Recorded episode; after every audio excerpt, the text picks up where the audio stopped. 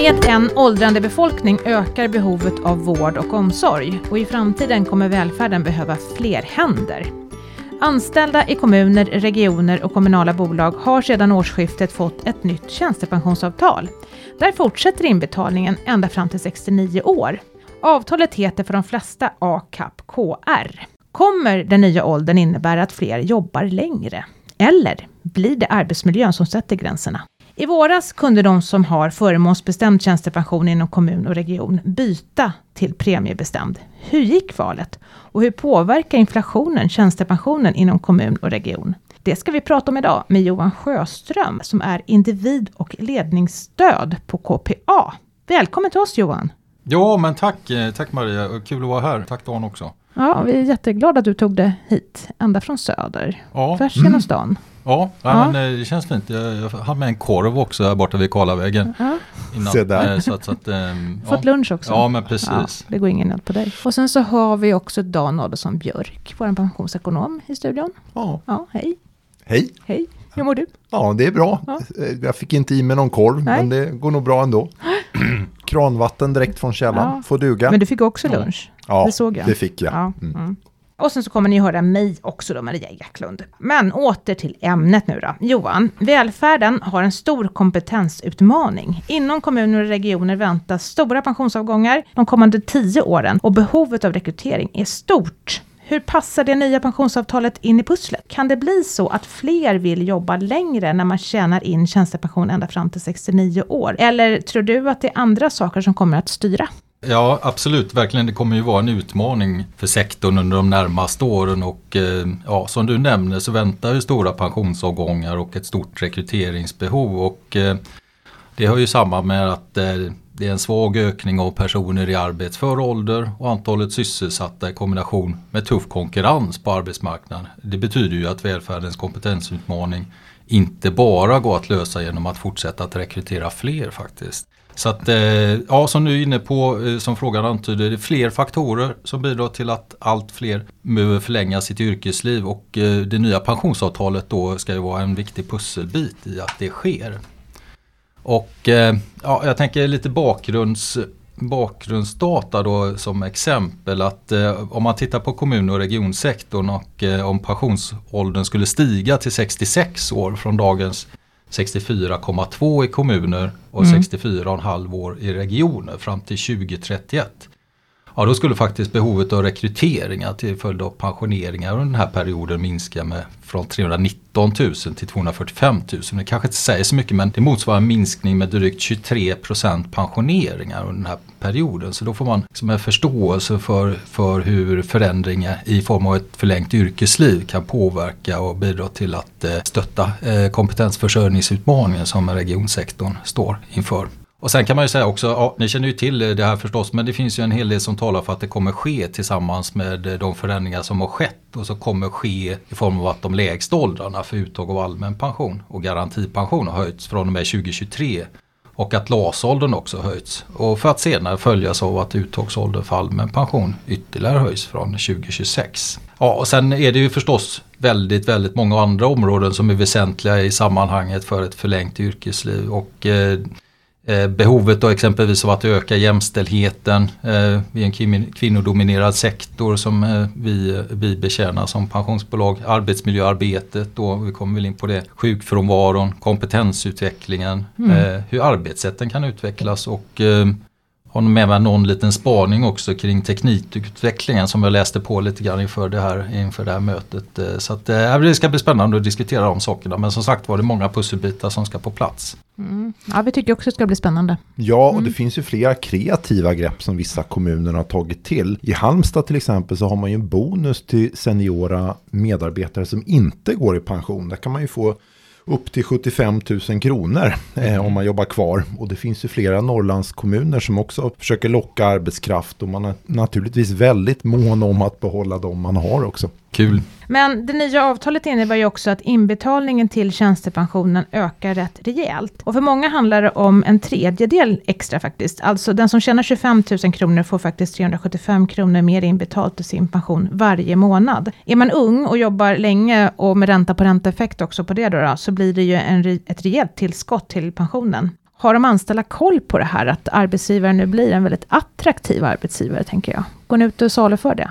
Ja men delvis tycker jag vi, vi ska ta ansvar för att, eh, att eh, det blir känt det nya eh, pensionsavtalet som har slutits och de fördelarna som det innebär för de anställda och att det också då bidrar till att det blir ännu mer attraktivt att, att jobba i kommun och regionsektorn. Men jag tänker som svar på din fråga där, så tror jag att att man har koll i, på kronor hur mycket det blir mer i pension. Det tror jag blir mer en långsiktig utmaning för oss att försöka lösa. Och jag tänker vi har ju haft en intensiv period nu med mycket informationsinsatser och eh, den här typen av kan säga, typfall där vi räknar fram eh, hur mycket mer pension man får. Genom det nya avtalet eh, har vi ju använt då exempelvis en undersköterska då som är yrkesaktiv från 21 till 68 års ålder att han kan få drygt 1700 kronor mer i månaden i pension. Som en illustration då. Vi har haft andra, andra yrkeskategorier också. De är ju ganska kan man säga, effektiva i, i att bidra till att man faktiskt ser att man får eh, ett, eh, ännu bättre pension i kommun och regionsektorn. Men eh, jag tror det räcker ju inte då under det här 2023 utan även eh, framöver och ja, tillsammans med er och andra aktörer och intressenter att öka exempelvis användningen av digitala tjänster. Vi har ju tycker vi är en fin inloggad eh, tjänst och mina sidor där man kan eh, se utvecklingen och hur mycket som betalas in för den kommunala tjänstepensionen men att man också använder prognostjänster som min pension. Mm. Ehm, då. Det är ju effektivt att se liksom, i kronor och ören eh, hur mycket som betalas in och hur mycket pensionskapital man får och vilken prognos man får. Då blir det mer påtagligt tycker jag. Jag tänker att det låter kanske lite klyschigt men eh, tillsammans med arbetsgivare och fackliga organisationer fortsätta det här fina samverkansarbetet eh, som vi har haft, eh, vilket har varit intensivt då med mycket informationsträffar och många olika format för att nå ut men att eh, bidra till att man får större förståelse för sin tjänstepension som förmån eh, och att den, eh, vi har ju stor tillgång till olika ytor där vi pratar både med individkunder och arbetsgivarkunder att eh, nå ut med innehåll i format som är effektivt då och, och ja, som du antyder kanske också lite grann eh, nå ut till unga som, som, som eh, har nyss klivit in i en yrkesroll och, och på det sättet också bidra till att man får större förståelse för att det, det är bra anställningsvillkor eh, av att ta anställning i kommun och regionsektorn. Mm. En, en, sak som vi inte har nämnt det är ju faktiskt att man kan få pension från första kronan när man är ung också. Mm. I andra mm. avtal får man ju vänta. Mm i alla fall i privata avtal mm. då, får man ju vänta tills man är 25 eller 23 mm. så. Men, men i ert avtal så får man det från första kronan, ja. även om man sommarjobbar. Ja. Det är otroligt ju. Ja. ja. ja, väldigt bra. Man kan ju se det som att det är ett bra insteg till att börja bygga kunskap om, eh, om pensionen. För då finns det ju någonting om man loggar in exempelvis mm. på, vår, på vår, eh, våra mina sidor eller min pensions mina sidor. Så, så att, eh, och kanske man får ett orange kuvert då om man liksom passerat de tröskelgränserna. Så att eh, det är väl jättebra och sen är förstås då en utmaning att, att eh, skapa förståelse och kunskap då men eh, den byggs ju inte över en natt så att det är bra att man är ute tidigt då eller att vi kan vara ute tidigt och informera. Ja, just att det här nya eller uppdaterade avtalet då beroende på hur man ser det, ACAP, KR, faktiskt innebär högre pensionsavsättningar än, än tjänstepensionsavtal i privat sektor många gånger. Alltså historiskt har det ju ofta varit tvärtom. Eh, har du någon reflektion på det? Ja men absolut. Don. Jag, jag tänker jag var, jag var lite tvungen att, att, testa och pröva våran eh, produktexpert Thomas Månsson på det här. Och eh, när jag diskuterade med honom där då så, så eh, kom vi nog fram till att det, det, inte riktigt stämmer faktiskt historiskt. Utan om man tittar på KL så har det varit 4,5% på hela lönen faktiskt. Och en förmånsbestämd del på, på inkomst över 7,5 och sedan 2010 och sen om man tittar på efterföljande avtalet AKKL så har det varit 4,5% och 30% eh, sedan 2014. Och i PFA, det här är liksom jättegamla avtalet, eh, så, så har det också varit högre avsättningar. Eh, Men om, jag, om jag uttrycker mig så här då, att det har blivit eh, märkbart bättre än vissa privata tjänstepensionsavtal. Då. Har, har du någon reflektion om det? Eh, för att både tidig intjäning mm. och eh, inte mm. längre 4,5% utan 6% och man fortsätter tjäna in pension efter 65. Mm. Det är ju märkbara förbättringar. Ja. Man kanske ska sadla om till vården. Ja. Va? ja. Vad gör vi här? Jag tänker det är väl kanske lite grann som man, man eh, ska se det stora sammanhanget då. Du var ju inne på eh, utmaningen med kompetensförsörjning i, i, i välfärdssektorn. Eh, en tajtare arbetsmarknad som man möter behovet av att eh, yrkesgrupperna i kommun och regionsektorn att man ökar attraktiviteten i det och där pensionsavtalet är en komponent och en pusselbit i det. Men det går ju att reflektera över. Men eh, ja, så ser det ut för tillfället då. Sen kan man väl tänka att eh, de olika kollektivavtalssektorerna inspirerar varandra och att det efterföljande förändringar sker så att det taktar liksom lite växelvis eh, också. Så har det kanske också sett ut historiskt. Mm. Vi får väl se. Men även då om det finns vinster med att jobba vidare så kan ju faktiskt hälsan vara den som sätter stopp då. Och jobben i den här sektorn är både fysiskt och psykiskt krävande. Högst i sjuktalen för de som är äldre. Hur tänker man där? Ser ni någon ljusning i det här? Orkar man jobba liksom till 69 tänker jag? Ja men det är ju en utmaning i många yrken i, i välfärdssektorn och eh, i det här förhållandet så är ju arbetsgivare och fackförbund eh, tycker jag väldigt aktiva och eh, bidrar på flera sätt eller jobbar med frågan på, eh, på väldigt många olika sätt som, som gör att man eh, blir både imponerad men också ödmjuk inför den, den utmaning som är. Eh, man kan väl säga några saker som jag tycker är lite utmärkande och det handlar ju väldigt mycket om det här arbete som sker aktivt då i princip sedan 2012 med friskfaktorer och där man har vetenskaplig eh, stöd av att eh, titta på vissa faktorer som kännetecknar just då arbetsplatser med låg och stabil sjukfrånvaro. Och, eh, insatser i form av arbetsanpassningar, systematisk arbetsmiljö i vardagen, kompetensutveckling hela arbetslivet är sådana eh, friskfaktorer. Och det tänker jag att det kanske vi också känner igen lite grann på våra arbetsplatser. Och eh, en eh, ytterligare sak som jag tycker om man tittar på kommun och regionsektorn är ju att eh, lyfta fram det samverkansavtalet som parterna har lyft inom det kommunala området. Och man ska ju här främja då ett arbetsmiljöarbete som går utöver det lagstadgade. Och för mig som finns på KPA så tycker jag att det är särskilt kul under det här året så har vi intensifierat samarbete med eh, Sunt arbetsliv som drivs av de gemensamma fackliga organisationerna inom KA-sektorn och eh, SKR och Sobona. Och jag tycker de har ett väldigt fint uppdrag att samla in och sprida kunskaper om förebyggande, hälsofrämjande och rehabiliterande arbetsmiljöarbete och sen att göra den här kunskapen tillgänglig och användbar på arbetsplatser i sektorn. Och då kan man tänka att vi i KPA, och vad kan vi göra då? Ja, vi har ju väldigt mycket kommunikation mot eh, eller till, ut till individkunder och arbetsgivare och eh, då tycker vi att ja, men vi tillgängliggör våra kontaktytor och kanaler och eh, gör vårt för att kunna sprida den här kunskapen som Sunt Arbetsliv eh, bidrar med och eh, väldigt många av de verktygen som, som arbetsgivare och anställda kan eh, använda för att jobba eh, för att förbättra arbetsmiljö och på det sättet då eh, förlänga ett, eller öka, eh, öka chansen för ett förlängt yrkesliv.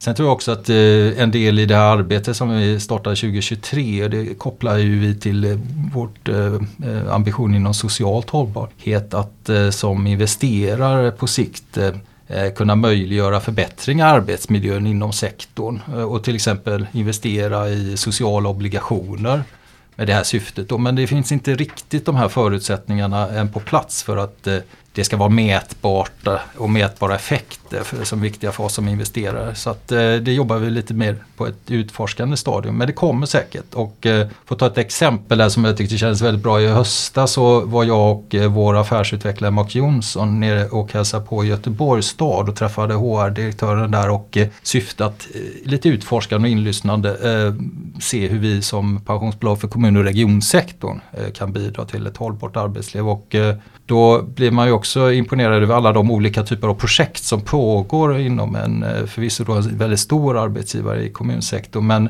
om man zoomade in på en sak då, eh, och det känner vi säkert igen, ljudvolym i förskolan då, som är ett eh, problem som bidrar till att förskollärare barnskötare i rätt hög utsträckning inte orkar jobba kvar. Och, men det, det också faktiskt pågår ett aktivt arbetsmiljöarbete. Eh, men där det också kan finnas möjligheter på sikt då, givet att det också går att mäta effekterna av, av åtgärder eh, som man skulle kunna tänka sig att man länkar till en investering, att man förpackar det på motsvarande sätt som investeringar idag sker i form av aktiv aktiva investeringar, aktiva miljöåtgärder som man förpackar som gröna obligationer. Det kan ju vara ja, liksom den fysiska arbetsmiljön då där det finns finansieringsbehov av att rusta skolor exempelvis då, eller förskolor för att, att bidra till förutsättningar för ett eh, förlängt yrkesliv.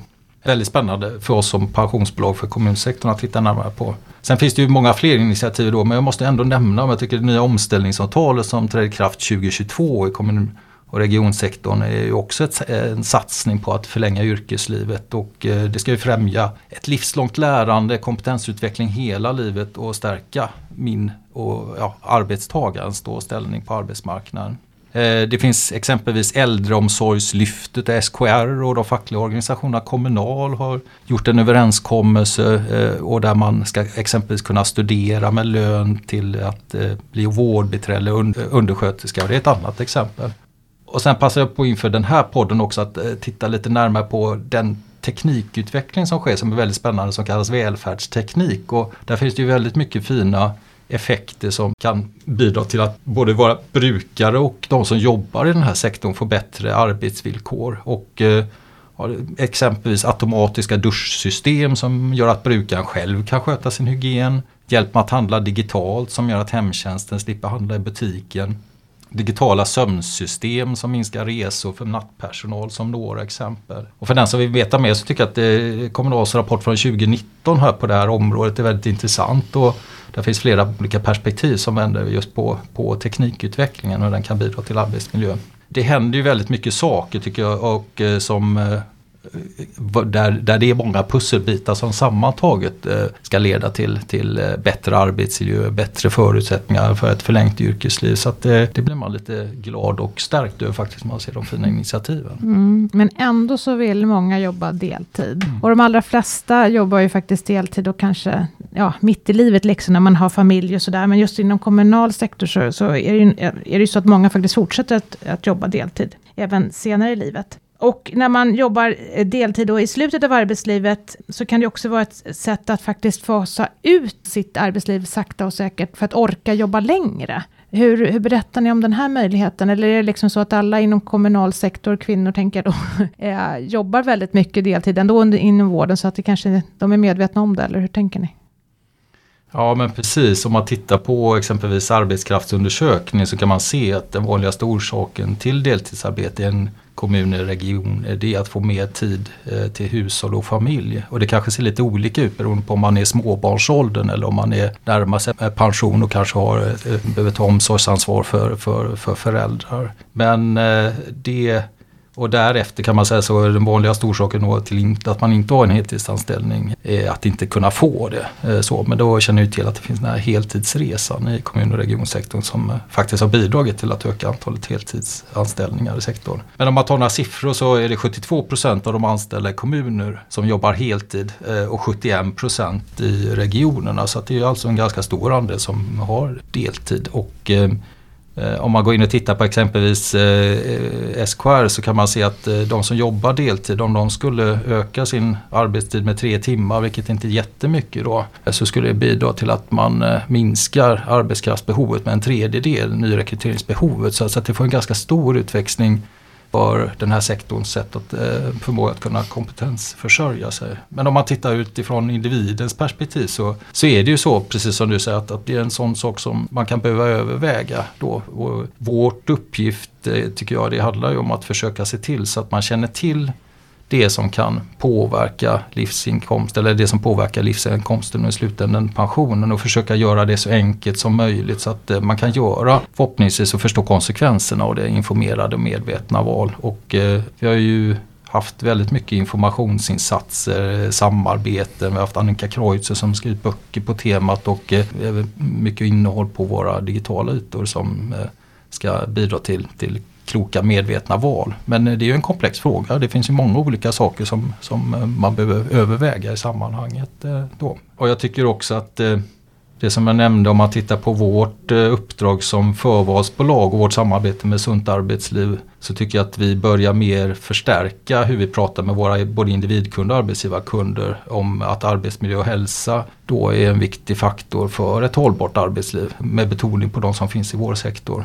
Eh, och det tycker jag ramas in väldigt fint i vårt hållbarhetsarbete och rent mänskligt att våra kunder mår bra på jobbet och hemma och eh, orkar ett, eh, ett relativt långt arbetsliv och att det bidrar till en mm. bra pension.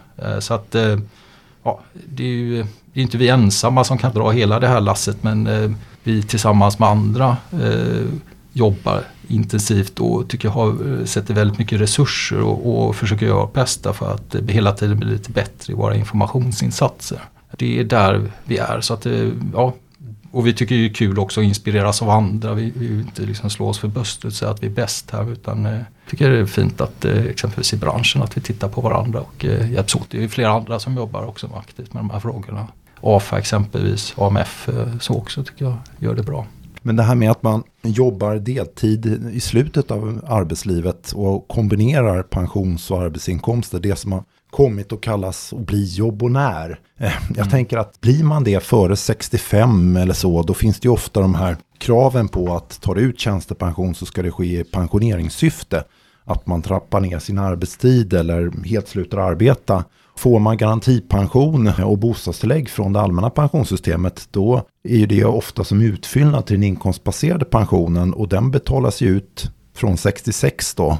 Och inte tidigare men och, och, samtidigt så kan det vara lönsamt att fortsätta jobba där. Skulle du säga som kommun och regionanställda att det är lättare att vara jobbonär eh, från 66 år och framåt jämfört med vad det är tidigare? Ja, jag tycker det är en bra fråga Dan. Eh, jag tänker att i Jakob KR, då, det nya avtalet, så finns ju inga hinder alls för att ta ut hel pension och samtidigt fortsätta att arbeta på heltid.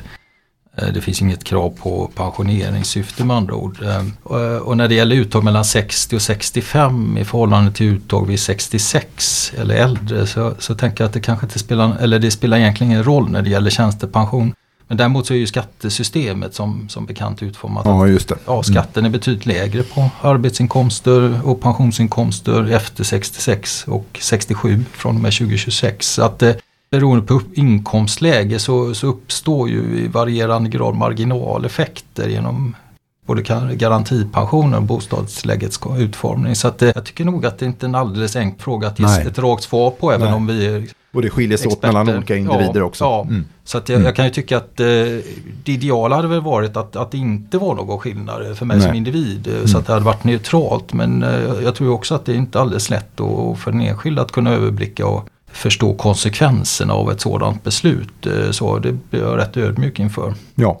Som vi sa tidigare så har anställda inom kommun och region med förmånsbestämd tjänstepension haft möjlighet att byta till helt premiebestämd tjänstepension i, nu i vår. Och jag tycker vi stannar där en stund, för att jag tänker någon behöver förklara det här med, med premiebestämd och förmånsbestämd tjänstepension. Vad är det för skillnad? Vad är det vi pratar om? Ja, med en förmånsbestämd tjänstepension då är man garanterad en viss nivå av slutlönen när man går i pension efter ett långt yrkesliv. Och i de här fallen så finns det ingen möjlighet för mig som anställd att välja hur pengarna ska placeras eller förvaltas. Har jag istället en premiebestämd tjänstepension, ja då betalas det in en viss procentsats av min lön till pensionen. Och här har jag möjlighet att välja placeringsinriktning om det ska vara eh, då i en traditionell försäkring där bolaget sköter allting eller en fondförsäkring där jag själv kan göra fondval. Och just i det här avtalet då så är det helt fritt. Man kan välja 100% fond. Man behöver inte ha någon del av trad som det är på det privata eller? Ja, det så stämmer. Är det. Mm. Mm. Men då till frågan då, då. Nu har vi koll på, på premiebestämd och förmånsbestämd. Om man då har bytt sin förmånsbestämda tjänstepension så får man tilläggspremier enligt en särskild tabell så länge som man är anställd inom avtalet eller senast fram till 65 år. Och då undrar jag, hur har det här valet gått? Man kan säga av knappt 115 000 valberättigade som pensions, eh, pensionsvalet administrerar för eh, valet för, eh, ja det finns ju två valcentraler på det kommunala området, så var det alltså 26 procent som gjorde ett aktivt val och eh, av de 26 procenten då så eh, i, i absoluta tal så var det 19 000 som valde KAP-KR, alltså det helt premiebestämda avtalet och eh, något mindre och 11 000 valde KAP KL aktivt val som ju är en kombination av premiebestämt och förmånsbestämd tjänstepension. Och de som inte gjorde ett aktivt val då stannar ju kvar i, i KAP KL. Så, så att eh, det var utfallet. Eh, och, eh, jag tror vi låg ganska nära i våra prognoser också kring eh, andelen som skulle välja AKK, och det helt premiebestämda eh, runt 20 procent hade vi och vi hamnade ganska nära där då. Jag tror 17 procent eh, eh, motsvarar de här 19 000 som då var AKK. Så att eh, ja, det var utfallet av valet då. Och, och, vad som är mest förmånligt här att kvarstå eller att byta, det tänker jag att det beror ju på en rad faktorer, bland annat ålder, anställningstid, löneutveckling och när och hur man går i pension, vilket är svårt eller i vissa fall omöjligt att veta på förhand. Har ni märkt av en beslutsvånda från de som berördes av det här valet? Ja men precis som du är inne på Dan, eh, det, det är klart det är en utmanande uppgift att, att informera om tjänstepension i allmänhet och, och, även i det här valet då eh, där man står inför två olika kan man säga, eh, system. Så att visst har vi stött på anställda som omfattats av, av viss beslutsvånda. Och man kan ju summera att vi har gjort väldigt många informationsträffar som har gått ut på att förklara skillnaderna i de olika avtalen och eh, precis som du är inne på Dan så eh, av förståeliga skäl så är det många som har tyckt det varit svårt att veta vilket avtal de skulle välja och eh, vilket eh, som var inom situation bäst. Eh, och det är också tycker jag framkommit att man exempelvis har önskat sig tillgång till beräkningssnurror eller den här typen av typfall eller exempelpersoner som vägledning. Ja, eftersom den framtida pensionen beror på så många olika antaganden så det är i princip omöjligt att säga vilket avtal som är bäst. Eh, en ändring av ett antagande, avkastning, lön eller pensionsålder kan ju avgöra att det avtal som först verkade bäst inte längre är det.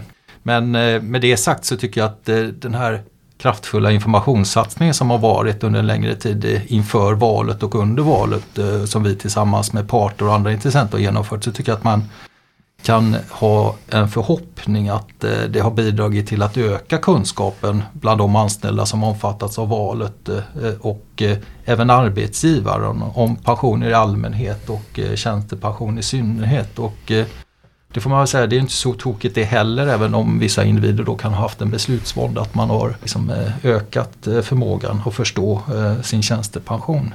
Nu har jag inga resultat eh, på mätningar med mig som, som bekräftar den förhoppningen men eh, vi har mätpunkter och där jag hoppas att vi bland eh, både arbetsgivare och men framförallt individer eller anställda kan se att den här förhoppningen som vi har när att den i någon mån har infriats. Det tycker jag vore väldigt fint.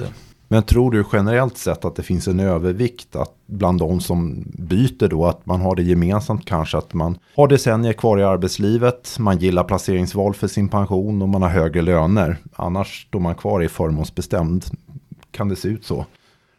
Ja, men delvis kan det nog vara så. Vi har ju statistik som visar att yngre i något högre utsträckning valde det nya avtalet och det helt premiebestämda AKKR. Vi har ju ingen, ingen belägg i, i, våra siffror på att det finns en koppling till att man just gillar mm, möjligheten till placeringsval, men så kan det säkert ha varit för vissa. Sen kan man ju ha ett, eh, en hypotes att valet skedde i tillstånd av såväl viss osäkerhet på de finansiella marknaderna som världsläget i stort vilket eh, kanske kan ha påverkat riskviljan hos vissa som valde eller som inte valde och att eh, det finns ett eh, inslag i ett sånt här läge eh, att man väljer att stanna kvar i den lösning som man redan har även om man kanske inte till fullo heller känner till vad den är. Nej, jag vet vad jag har men inte vad jag får. Ja, liksom. men precis. Ja. Mm. Och, och, den här höga andelen 83% som ändå är, är kvar då i KAPK eller kanske antyder det. Men i framtiden så kan det här få viss effekt ändå. Va? För att förmånsbestämda tjänstepensioner de gäller ju fram till 65 år. Och de sista yrkesåren de har ju stor inverkan på vilken förmån jag får. Medan för premiebestämda tjänstepensioner där kan ju inbetalningar fortsätta efter 65 år. Och de sista åren har inte samma betydelse för för ehm, eh, pensionens storlek. Tror du att de som omfattas fullt ut av premiebestämda tjänstepensioner kommer ha ett annat mönster när de rundar av yrkeslivet jämfört med de som omfattas av förmånsbestämda motsvarigheter?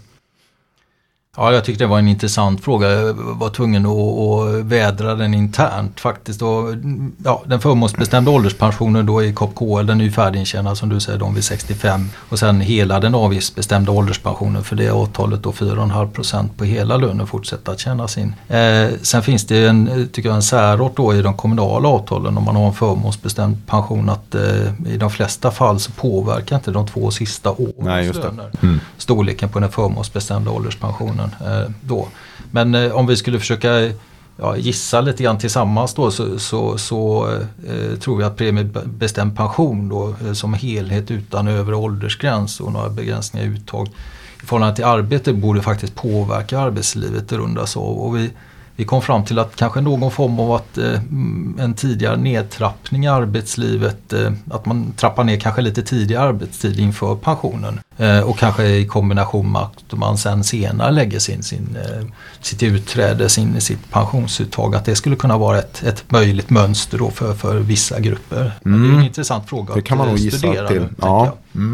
Och när vi spelar in det här avsnittet så är inflationen hög och det har den faktiskt varit ganska länge nu tycker jag. Och prisbeloppet höjs 2024 med hela 9,3 procent. Vad innebär det här för tjänstepensionerna inom kommun och region? Ja, den förmånsbestämda ålderspensionen i KL eh, indexerar med prisbasbeloppsförändringen och eh, den är ju avtalad då till skillnad från till exempel ITP2. Så den räknas ju upp väldigt kraftigt 2023 och kommer också att räknas upp kraftigt 2024. Och sen finns det ju en egenhet då att den avgiftsbestämda ålderspensionen i AKP-KR räknas också upp med prisbasförloppsförändringen innan den förmedlas. Och det är ju en avtalsreglerad uppräkning i det avtalet som eh, hör samman med att eh, avgiften då betalas in kvartalsvis i efterskott. Det sa du avgiftsbestämd, är det detsamma som premiebestämd? Det är detsamma. Ja. Skapar den här inflationen huvudvärk för arbetsgivarna som ska stå för den här värdesäkringen men glädje för pensionärerna som får ta del av den? Ja, kanske inte huvudvärk men eh, det har ju inneburit, kommer innebära, innebära betydligt högre kostnader jämfört med om inflationen har varit låg, till exempel 2% Så att eh, ja, pensionärer med förmånsbestämd ålderspension har säkert blivit glada för den här stora höjningen. Men sen är det ju också klart att många har ju fått det tufft då med hänsyn till ökade levnadsomkostnader i stort. Då, till exempel att pris med, priset på liv, livsmedel har ökat med nästan 25 procent mellan 2022 och 2023. Så att, eh, det ser väl lite olika ut då, beroende på, på om man tittar på arbetsgivare eller, eller, eller pensionärer. Blir det enklare för kommuner och regioner att räkna på pensionskostnader nu när den förmånsbestämda pensionerna när de fasas ut? Ja, så är det eh, absolut. Och jag, jag, tror att eh, lyssnar man med ekonomichefer som sitter och ansvarar för budget och prognoser så skapar ju det här en ökad förutsägbarhet för kommuner och regioner. Och eh, det har ju varit ett av motivet också till att fasa ut de förmånsbestämda pensionerna. Att, att bidra till, till en ökad, ökad förmåga att kunna förutsäga vilka kostnader som pensionerna kommer att eh, bidra med eh, i kommunsektorn framöver. Stämmer att de premiebestämda tjänstepensionerna är billigare för arbetsgivaren just nu än förmånsbestämda generellt sett? Men längre fram när inflationen går ner så råder det omvända förhållandet. Eller stämmer det eller stämmer det inte? Ja, nej, men de, de högre avgiftsnivåerna 6 och 31,5% innebär ju faktiskt högre kostnader totalt sett för sektorn. Den stora massan då får ju en eh, förhöjd avgift från 4,5% till 6%. Men eh, ja, om inflationen sjunker då, vilket den väl kommer göra på sikt, eh, så kommer kostnaden för, så, för såväl AKPK som KPKL att sjunka. Sen tänker jag lite grann som vi var inne på tidigare också, att man får nog se det nya pensionsavtalet som en pusselbit i den, den utmaning och situation som, som sektorn befinner sig eh, och som ska bidra till, till ökade förutsättningar för flexibilitet och rörlighet och bidra till sektorns behov av att, eh, att stärka sin förmåga att kompetensförsörja på sikt inför den, inför den Ja just det, det som, vi, som vi inledde med då. Ja. ja. Men det här att räntorna är på väg upp då, det märks ju för alla som har bolån eller lånar pengar. Har det någon effekt för pensionerna inom kommun och region? Hur, hur ja, pensionen placeras eller betalas ut? Ja men precis, jag tänker lite grann som vi var inne på inledningsvis. Förvalsprodukterna som jag tycker är lite spännande. Och eh, då tycker jag att man ändå kan se ett mönster i, i form av produktutveckling där man skapar ökad trygghet och kanske framförallt då i, i eh, inför pension eller under utbetalningsfas. Och eh, en sådan förändring som eh, gjorde vi då nyligen som vi kommunicerade också. Där vi eh, minskar risken eller sätter en begränsning i hur mycket pensionen kan variera under en utbetalning då eh, till 5 eh, Sen tänker jag att eh, ja, börsen har ju gått bättre än förväntat och det kanske bidrar i viss mån till ökad riskvilja. Vi ser lite högre flöden från vår traditionella försäkring då till fondförsäkring i banker eh, exempelvis. Eh, och det kanske speglar en ökad riskvilja. Eh, och sen tänker jag också att eh, det borde ha, men det har jag inget stöd för, men att det har en effekt ändå på när pensionsuttaget sker och på vilket sätt pensionen tas ut. Eh, givet hur mycket pengar jag har i plånboken och hur mycket jag påverkats av eh, utvecklingen i ekonomin. Och sen också vilka förväntningar jag har på den ekonomiska utvecklingen framöver under tiden som pensionär. Så det tycker jag är, ett spännande område att följa framöver. Och några spaningar då som jag har.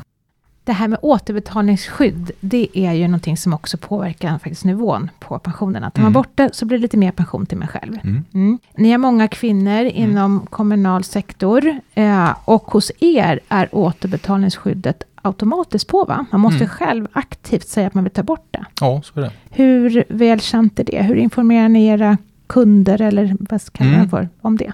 Ja, det har ju varit en diskussion under åren kring eh, den eh, utformningen av återbetalningsskyddet och eh, det skapar ju särskilda förutsättningar att vara skicklig på att informera om, om, om det förhållandet. Och sedan några år tillbaka så är det ju avtalsreglerat från och med 60 år att man ska få information om återbetalningsskydd om man har ett återbetalningsskydd. Och man kan säga eftersom majoriteten då till följd av den här konstruktionen att det är obligatoriskt eh, har ett återbetalningsskydd i synnerhet under spartid så eh, påverkas inte pensionen lika mycket som i andra sektorer där förhållandet är omvänt eh, eftersom det blir väldigt lite arvsvinster under spartiden och givet då att nästan alla har ett återbetalningsskydd. Om man tar några siffror här så är det ungefär 97 procent under spartid bland kvinnorna som har ett, eh, ett återbetalningsskydd. Eh, men under utbetalning sen så eh, har den andelen gått ner till 72 procent. Så det är relativt många som, som lyfter ut det då inför utbetalningen. Och det är där det får effekt på pensioner framförallt då för det är där det sen det börjar öka dödligheten och arvsvinst i större utsträckning eh, genereras. Om man tittar på männen så är 98% under spartid och 84 under, under utbetalningstid. Så att kvinnorna är lite mer aktiva då eh, med att ta bort eh, återbetalningsskyddet. Det här är ett sådant område som, som bara kollektivavtalsparter är, är angelägna om att vi ser till så att vi i så stor utsträckning som möjligt kan verifiera att man har gjort ett medvetet och informerat val. Det tycker vi oss att vi kan se. Eh, så, sen kommer vi nog att följa upp det ytterligare för att säkerställa att det verkligen är så vi behöver göra det löpande. Då. Och sen framförallt också givet att familjeförhållandena under livet också kan eh, förändras. Att vi också blir skickligare på, även om vi inte kan fånga det, vi har inget data då som kommer in, men eh, att vi kan fånga och beskriva vad som händer och vad, när man behöver överväga att ha respektive inte ha ett återbetalningsskydd. Det är ett sådant område då som vi tycker är viktigt för att bidra till informerade och medvetna val.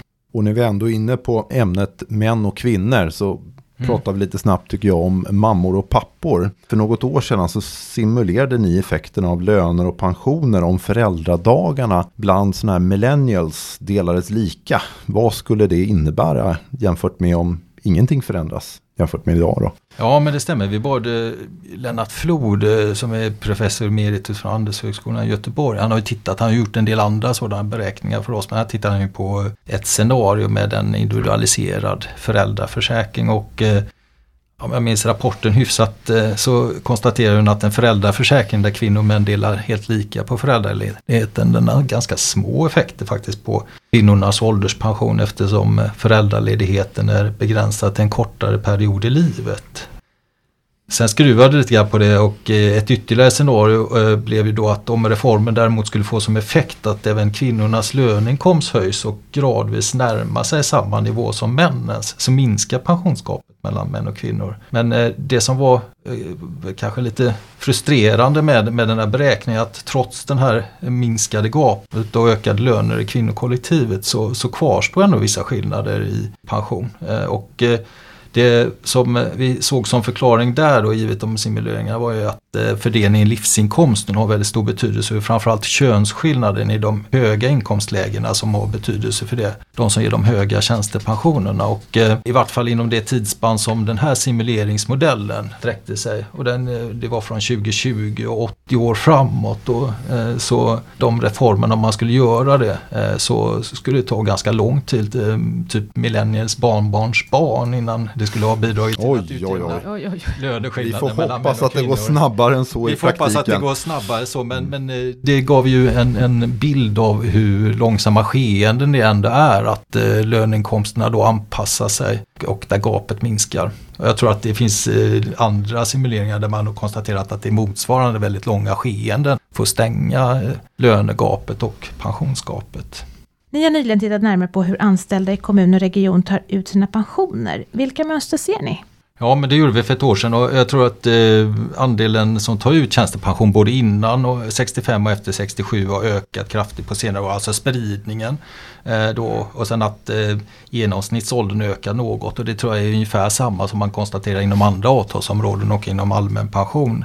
Och sen såg vi också att kvinnor verkar i lite högre utsträckning välja livsvarig utbetalning medan män väljer i högre grad något, eh, tidsbestämd utbetalning. Sen tror jag att man behöver titta på fler bakgrundsvariabler, inkomst exempelvis, eh, som eh, kan ha betydelse för när pensionsuttaget sker och vilka övriga pensionsförmåner som finns sammantaget för att kunna analysera vidare.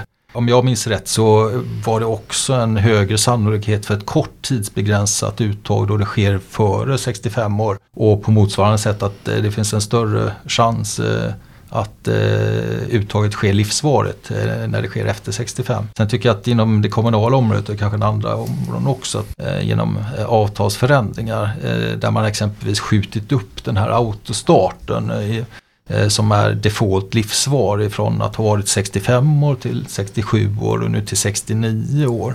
Så att eh, det tycker jag har fört att eh, det är en större, väsentligt större andel som tar ut sin utbetalning aktivt eh, då. Och eh, då det sker tidsbegränsat. Men att det tidsbegränsade uttaget också blir lite längre. Så att eh, de här allra kortaste uttagen att, att de har minskat något. Och kanske till förmån då för tioåriga utbetalningar i större utsträckning. Och sen är det ju också att det nya avtalet begränsar de korta tidsbegränsade uttagen till minst tio år. Eh, så, så att det är ju en, en, sak också som kommer driva eh, tror jag, förändrat beteende på sikt när det gäller uttagen. Och det som jag tycker är positivt också ser vi hade ganska mycket klagomål på betalningar tidigare. Pensionsutbetalningen startade då default livsvarigt eh, och så hade man kanske missat. Och så går det inte att göra någonting åt det. Och så går det inte att göra någonting åt den. Så att mm. vi hade en stor andel klagomål på det och det har vi i princip inga alls idag. Mm. Så, Nej, så det är ju, mm. tycker jag, ett bra ett bra steg i att öka informerade medvetna val vid pensionsuttaget att man flyttar fram då autostarten. Man eh, i högre utsträckning har valt det själv, det sättet som det passar mig. Tror du att inflationen och vikande konjunktur kommer medföra att fler kommun och, regionanställda som kanske står och överväger olika pensionsuttag då, att man tar det säkra före det osäkra och arbetar lite längre för att förbättra sin egen ekonomi? Ja men så kan det säkert vara för, för vissa grupper. Då. Jag, jag, tror min känsla är att antalet som återgår eller skjuter upp pensioner har ökat under senare och, och på samma sätt som gäller övriga sektorer. Sen har nog ingen liksom, data på om, om eh, det aktuella läget påverkar ytterligare den riktningen. Mm. En del kanske måste få klara sig. I övrigt tänker jag kanske att det är så många andra faktorer också som påverkar pensioneringstidpunkten, familjesituationen och hälsan. Hur ja, det är klart. Och mina kollegor ja, det är inte bara rationella skäl utan Nej, känslomässiga också. Det är väldigt mycket de här mm. mm. ja, sociala skälen också. Absolut. Vi ska snart sluta nu, men jag tänkte bara kolla med dig innan vi tar sista frågan här. Har vi missat något tycker du Johan? Nej, jag, tyckte, jag tyckte ni hade laddat in uh, otroligt mycket. mycket frågor. ja. så, så det, det är bra. Det är bra. Då kommer min sista fråga ja. då. Vilket är ditt bästa pensionstips? Ja, men det, jag är medveten om att det här låter lite insmickrande men, men jag kör ändå för jag tycker faktiskt att min pension är ett väldigt bra pensionstips. Eh, och det är framförallt för att få snabb koll, lära sig mer och i många fall också minska eventuell förekomst av onödig oro som kan eh, omgärda pensionen. Och, eh, för mig som jobbar med eh, pensioner så blir det också lite grann av en reality check eh, som uppstår eh, när man som i mitt fall eh, ibland har satt sig bredvid ett syskon och med hjälp av min pension försökt svara på frågor när hon navigerar sig fram till lite större förståelse. Och, och det lugnet som siffror, jämförelse och helhet ofta kan bidra till på ett fint sätt på min pension. Så att jag slår gärna ett slag för, för att ta för vana att logga in på min pension en gång per år. Det, det, det gör jag. Tack så mycket, det var ett bra pensionstips. Mm, ja. ja, visst är det. Ja. Kunde inte kommit på ett bättre själv faktiskt. Nej, men allvarligt talat. Eh, ni som vill veta mer om det här nya avtalet. Vi har ju faktiskt spelat in en, en podd med facket Vision. Mm. Och det är nummer 194 på den podden. Så att eh, ta reda på mer genom den podden kan man också göra. Ja, då är vi klara då. Tackar vi dig så jättemycket Johan, för att mm. du kom hit idag. Det var ett tack. väldigt intressant samtal och nu har vi lärt oss lite mer om ACAP KR och CAP KL. Ja. Det har vi. Mm. Ja. Jättebra, tack.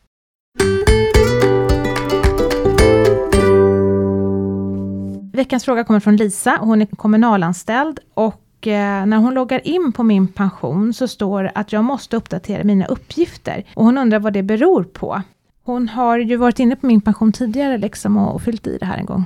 Mm. Vad är det som händer? Vi har tagit bort avtalsområdet KPA plan eftersom det alternativet är stängt för nyteckning. Många har ju KPA som pensionsförvaltare men det är eh, få som omfattas av pensionsavtalet KPA-plan. Eh, Eh, så vi tror att det har skett en sammanblandning mellan pensionsförvaltaren och pensionsavtalet helt enkelt. Så att om du tidigare har valt KPA-plan hos min pension så behöver du nu ange vilket pensionsavtal som du omfattas av. Och jobbar inom kommun eller region, ja då har du sannolikt A, CAP, KR. Men du kan ju också vara kvar i det här tidigare förmånsbestämda eh, pensionsavtalet och CAP KL.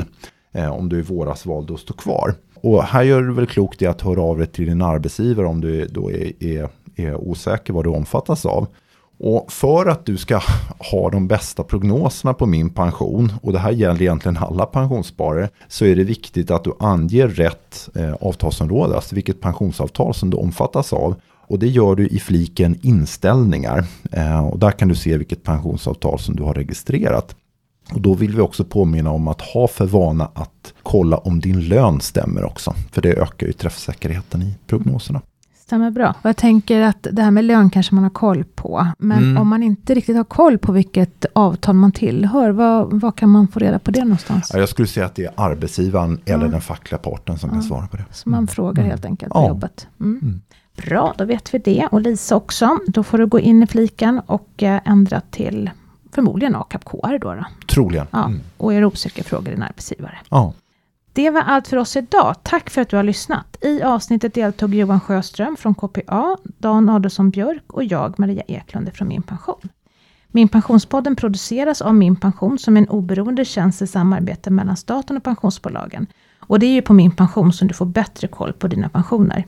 Om du har en pensionsfråga som du vill få svar på i veckans fråga, så gör du precis som Lisa mejla oss på poddatminpension.se.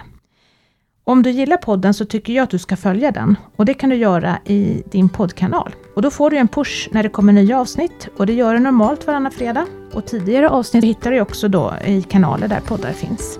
Jag och Dan hoppas att vi snart hörs igen. Ta hand om dig och din pension till dess. Ha det så bra, hej!